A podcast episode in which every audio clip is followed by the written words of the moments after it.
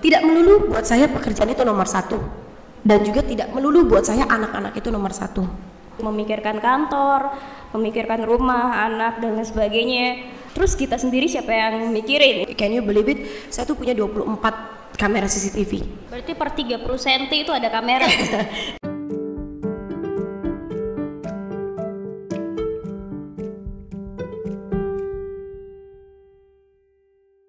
Oke, disclaimer sedikit untuk episode ini ya. Mungkin kalian akan mendengar gue sering ngomong um agak lama atau mungkin kalian akan mendapati beberapa dead air yang agak panjang atau lama.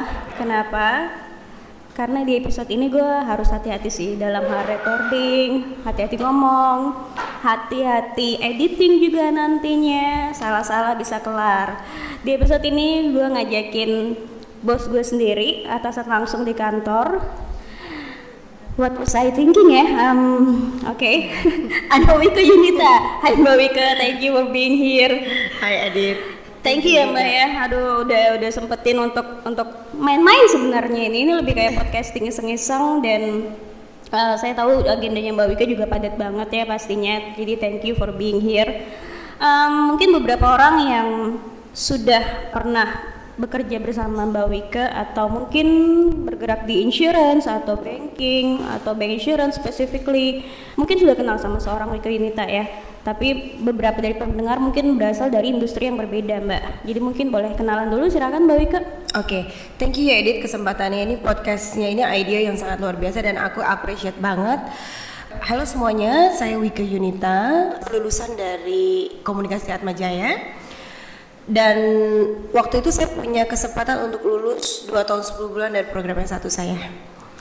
Uh, saat itu yang ada kepikiran di di uh, di awal karir adalah lulusan terbaik dapat penghargaan dari departemen perguruan tinggi lalu mau jadi apa? Jadi lulus itu senangnya cuma 30 menit dit. Sisanya mikir mau ngapain nih gitu Akhirnya saya juga pernah mengalami cari kerja itu lewat walking interview. Mungkin Edith juga banyak uh, gelar walking interview. Saya one of the uh, participant saat itu. Bedanya pada saat kita walking interview karena kita punya IP bagus, maka di hari itu juga diterima.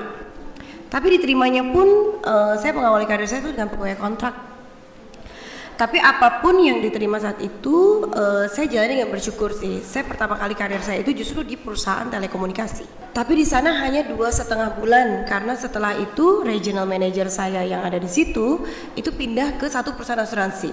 Perusahaan pertama saya itu menawarkan konsep yang berbeda tentang uh, asuransi. Pertama kali ditawarin wih ikut saya yuk ke asuransi. Apa yang ada di pikiran saya? Kejar-kejar orang? No way teman-teman gue bakal bisa hilang semua dari dari dari dari gue gitu. Sehingga waktu itu saya sempat bilang ah enggak lah pak kalau kejar-kejar orang gitu. Lalu beliau itu mengubah mindset saya bahwa no insurance yang di sini tuh profesional. Kamu tuh jadi business development cari partner maintain bank partner dan bukan sebagai agent yang kejar-kejar orang. Akhirnya saya coba untuk join di situ dan ternyata itu adalah uh, cikal bakal dari karir saya sampai saat ini perusahaan asuransi pertama saya itu adalah sekolah terbaik buat saya. Saya belajar tentang konsep, etika, leadership yang menjadi bekal-bekal saya sampai dengan karir saya sampai saat ini. Di perusahaan pertama itu saya menghabiskan waktu lima tahun dari staff sampai uh, manajer. Kemudian saya pindah ke perusahaan kedua. Waktu itu uh, karena rekomendasi salah satu partner dan saya menjadi senior manager di situ selama tiga tahun. After that saya pindah lagi ke perusahaan ketiga sebagai general manager dan saya menghabiskan waktu tiga tahun juga di situ. Uh, lalu kemudian uh, ya as a, mungkin karena masih muda juga kali ya waktu itu berpikir yang ilmu direct marketing telemarketing sudah belajar. Ilmu credit life sudah belajar. Ilmu uh, cabang sudah belajar. Apalagi ya akhirnya saya coba untuk moving ke asuransi umum. Uh, salah satu perusahaan besar asuransi umum. Dan di situ uh, saya sempat menghabiskan waktu satu tahun. Puji Tuhan banget ternyata memang asuransi umum itu lebih sangat uh, challenging. Uh, di asuransi umum itu walaupun hanya satu tahun tapi benar-benar berkesan buat saya. Karena in the first three months saya dinominasikan sebagai uh, Young Asian Manager Award untuk AAUI waktu itu asosiasi asuransi umum. Dan sekarang saya kembali lagi ke asuransi jiwa uh, satu tim sama Edit. Saat ini saya uh, handle untuk recruitment sales development sales, bisnis untuk unit link bank, dan Credit Life Multi Finance. Itu aja sih, Dit. Wow, perjalanannya panjang juga ya. Pokoknya awalnya itu nggak langsung di asuransi ya Mbak ya. Yap. Di telekomunikasi dulu, terus kemudian di asuransi umum, kemudian di asuransi life. Yes. Sampai sekarang ya, menduduki posisi apa boleh disebutin?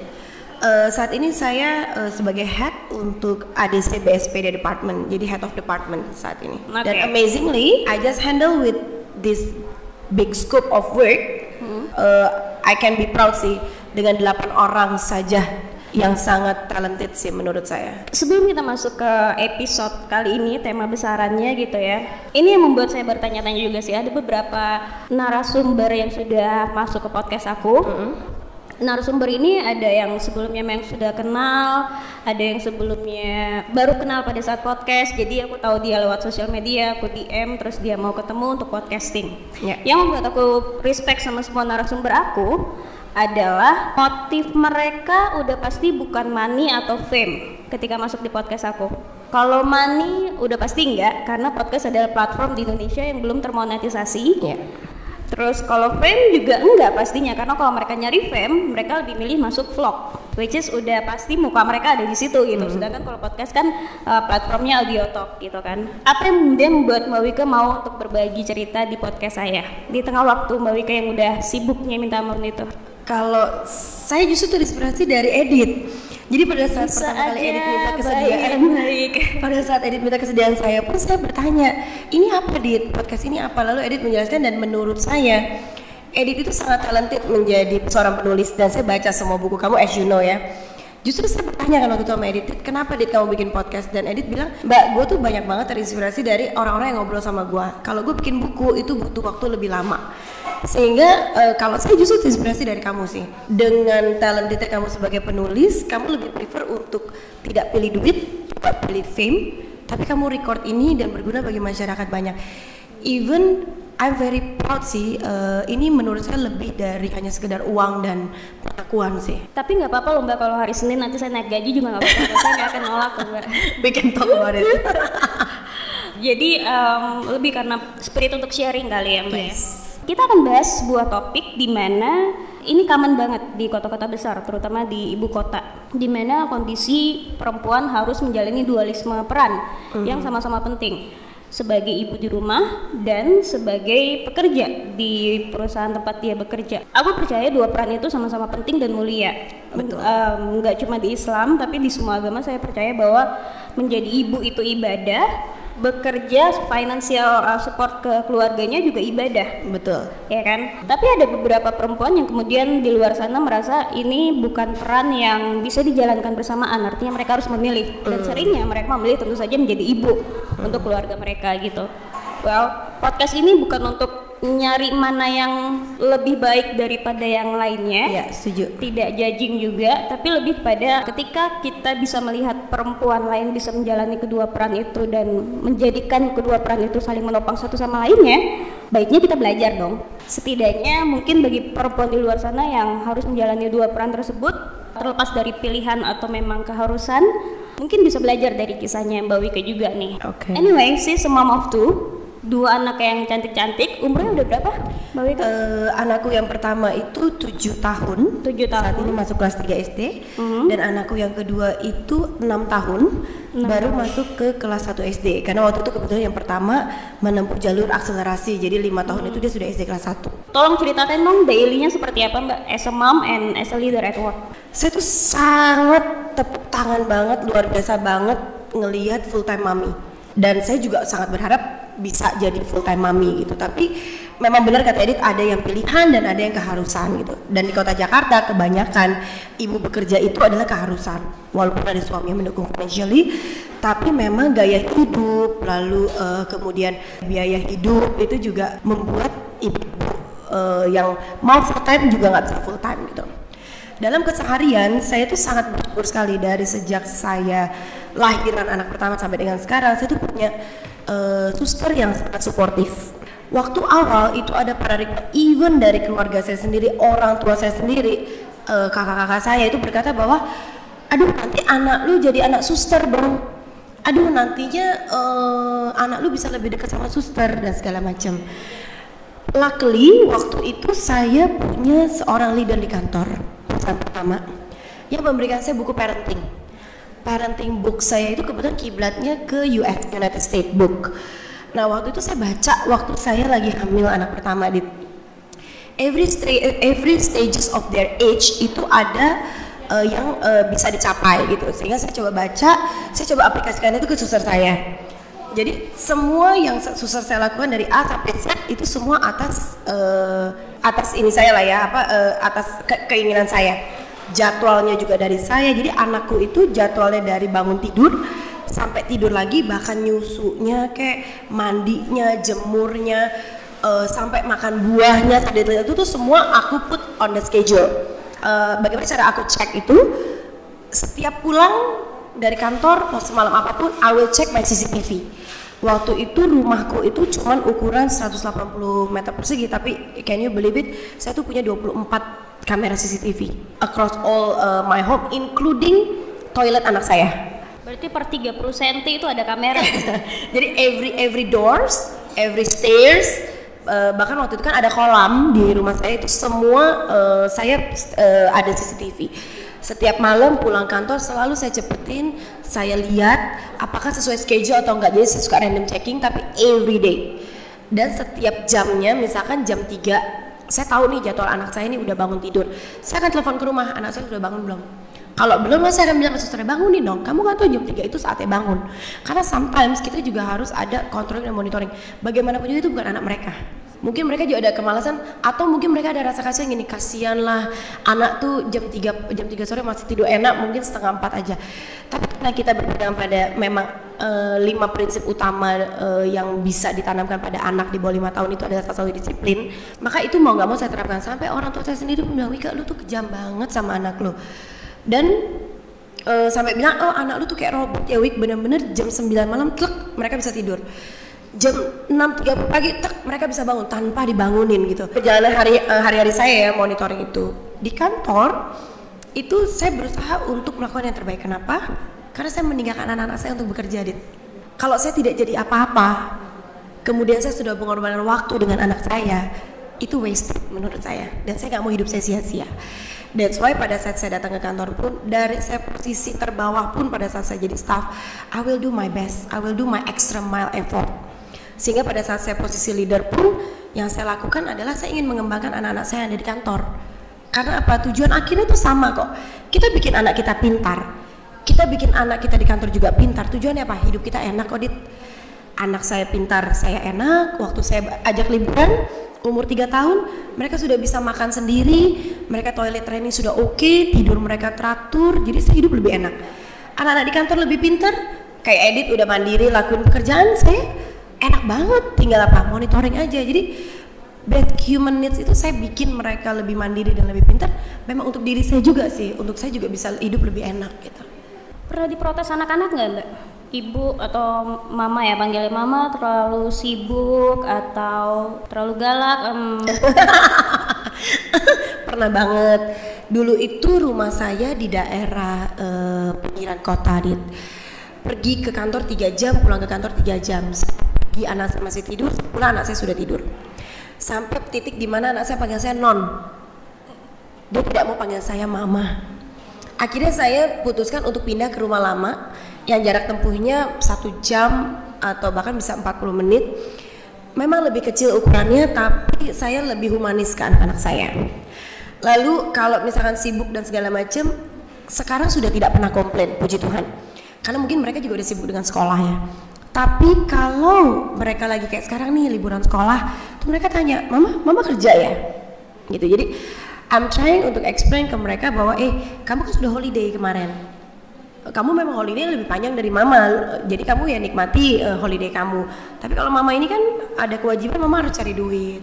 Nanti kalau enggak kita mau liburannya gimana? Lebih lebih ke arah uh, kasih ya, seperti itu dan balancing di saat liburan kayak gini, pulang jam 5 beberapa uh, waktu saya setelah waktu kantor yang biasanya saya bisa isi dengan eh, teman-teman uh, atau dengan kegiatan saya di luar kantor mulai saya batasi untuk saya lebih pulang on time kayak, kayak malam ini saya mau ngajak mereka nonton Toy Story yang yang something yang, yang kayak begitu sih lebih balancing.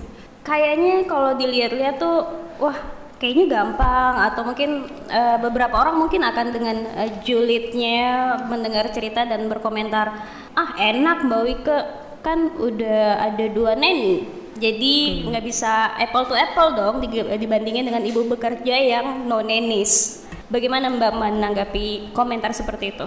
Oke okay. kalau ibu bekerja yang tanpa suster itu juga suatu pilihan uh, saya itu dari dulu selalu punya value gini kalau saya kerja tidak mau mengorbankan anak saya juga di rumah anak itu harus nyaman di rumah pakai suster pun sometimes mereka tidak nyaman.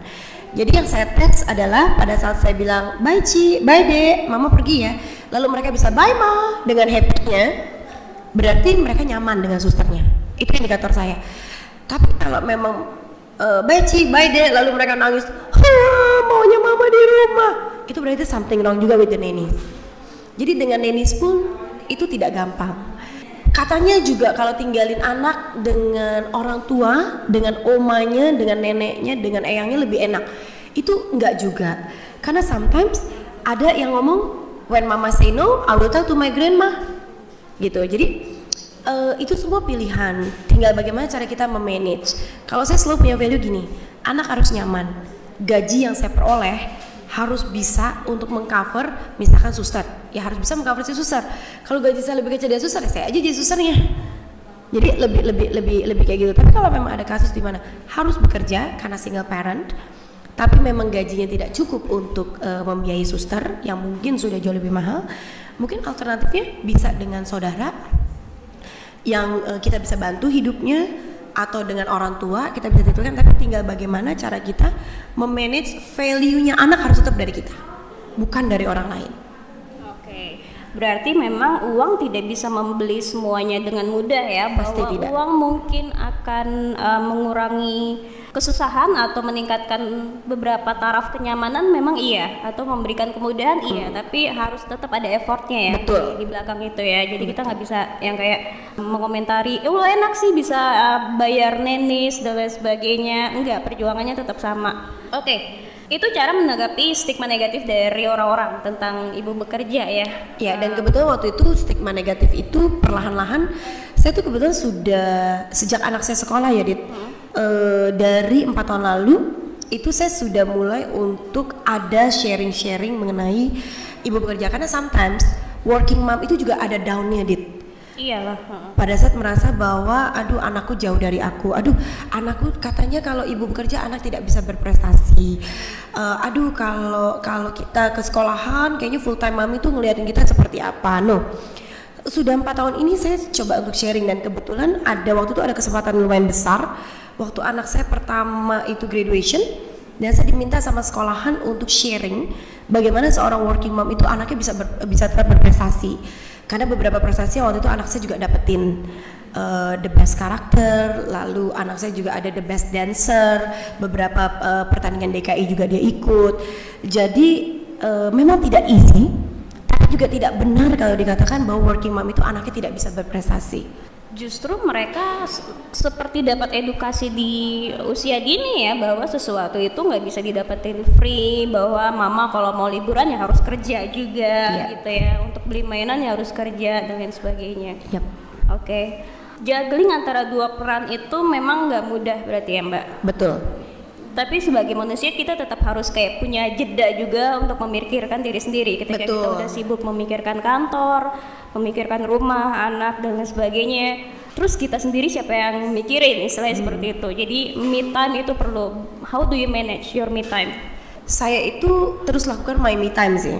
Hobi saya tuh simple banget kok, cuma diem aja baca buku. Waktu itu pernah bukunya edit sih saya baca juga. Jadi my me time itu uh, karena saya suka salon jadi my me time itu salon. Di salon itu saya bisa diem aja baca buku yang saya mau. Jadi kalau saya me time anak-anak saya pasti ada kegiatan. Antara dia memang lagi uh, les dia punya activity atau dia lagi lakuin hobi dia lalu kemudian saya bisa me time. Dan uh, me time saya yang kedua juga sebenarnya bukan me time me time banget ya. Kalau me time yang real itu salon ya tapi nggak tahu kenapa saya suka sekali ketemu orang yang saya bisa sharing with them atau saya mengajar uh, di beberapa organisasi gitu itu saya juga suka dan saya count it as my me time juga sih menjalankan hobi lah Beberapa orang menyangka bahwa work life balance itu nonsense. Karena nggak mungkin bisa work sama life itu bisa di balance. Menurut Mbak gimana? Kalau aku bilang justru work life balance itu sangat mungkin karena I did it. Edit. Kalau saya selama 12 tahun karir saya itu saya tuh tetap punya waktu me time. Liburan dengan anak-anak, liburan dengan keluarga. Edit bisa lihat lah di Instagram saya juga eh, saya sometimes eh, posting gitu.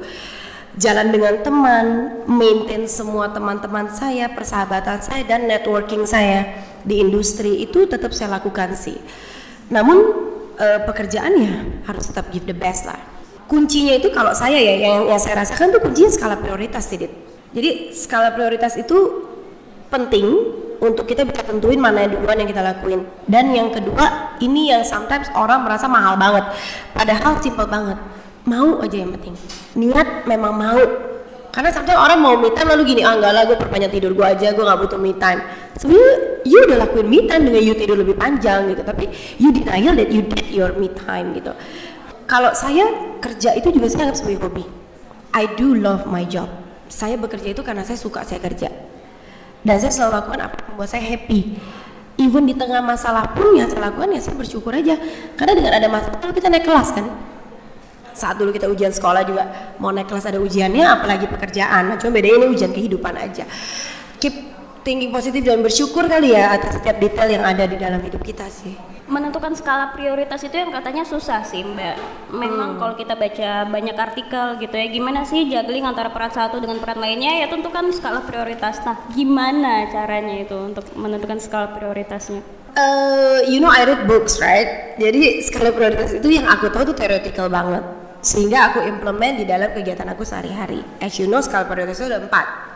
Ya kan? Ada yang penting mendesak kemudian itu yang harus saya lakukan duluan ada yang uh, penting tidak mendesak dan akan saya rencanakan untuk oke okay, next week. Atau uh, bagaimana nih mau kapan. Lalu ada juga yang tidak penting tapi mendesak. Mungkin akan saya delegasikan untuk untuk siapa yang akan lakukan apa mungkin bisa diwakilin atau enggak.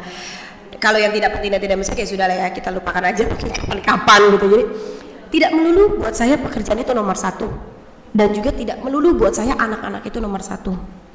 Buat saya tidak tidak juga melulu Tuhan nomor satu atau keluarga nomor satu. Jadi kalau zaman dulu kan ayo pilih Tuhan keluarga pekerjaan yang mana nomor satu sampai nomor tiga enggak. Buat saya semua pasti saya lihat dulu kondisinya.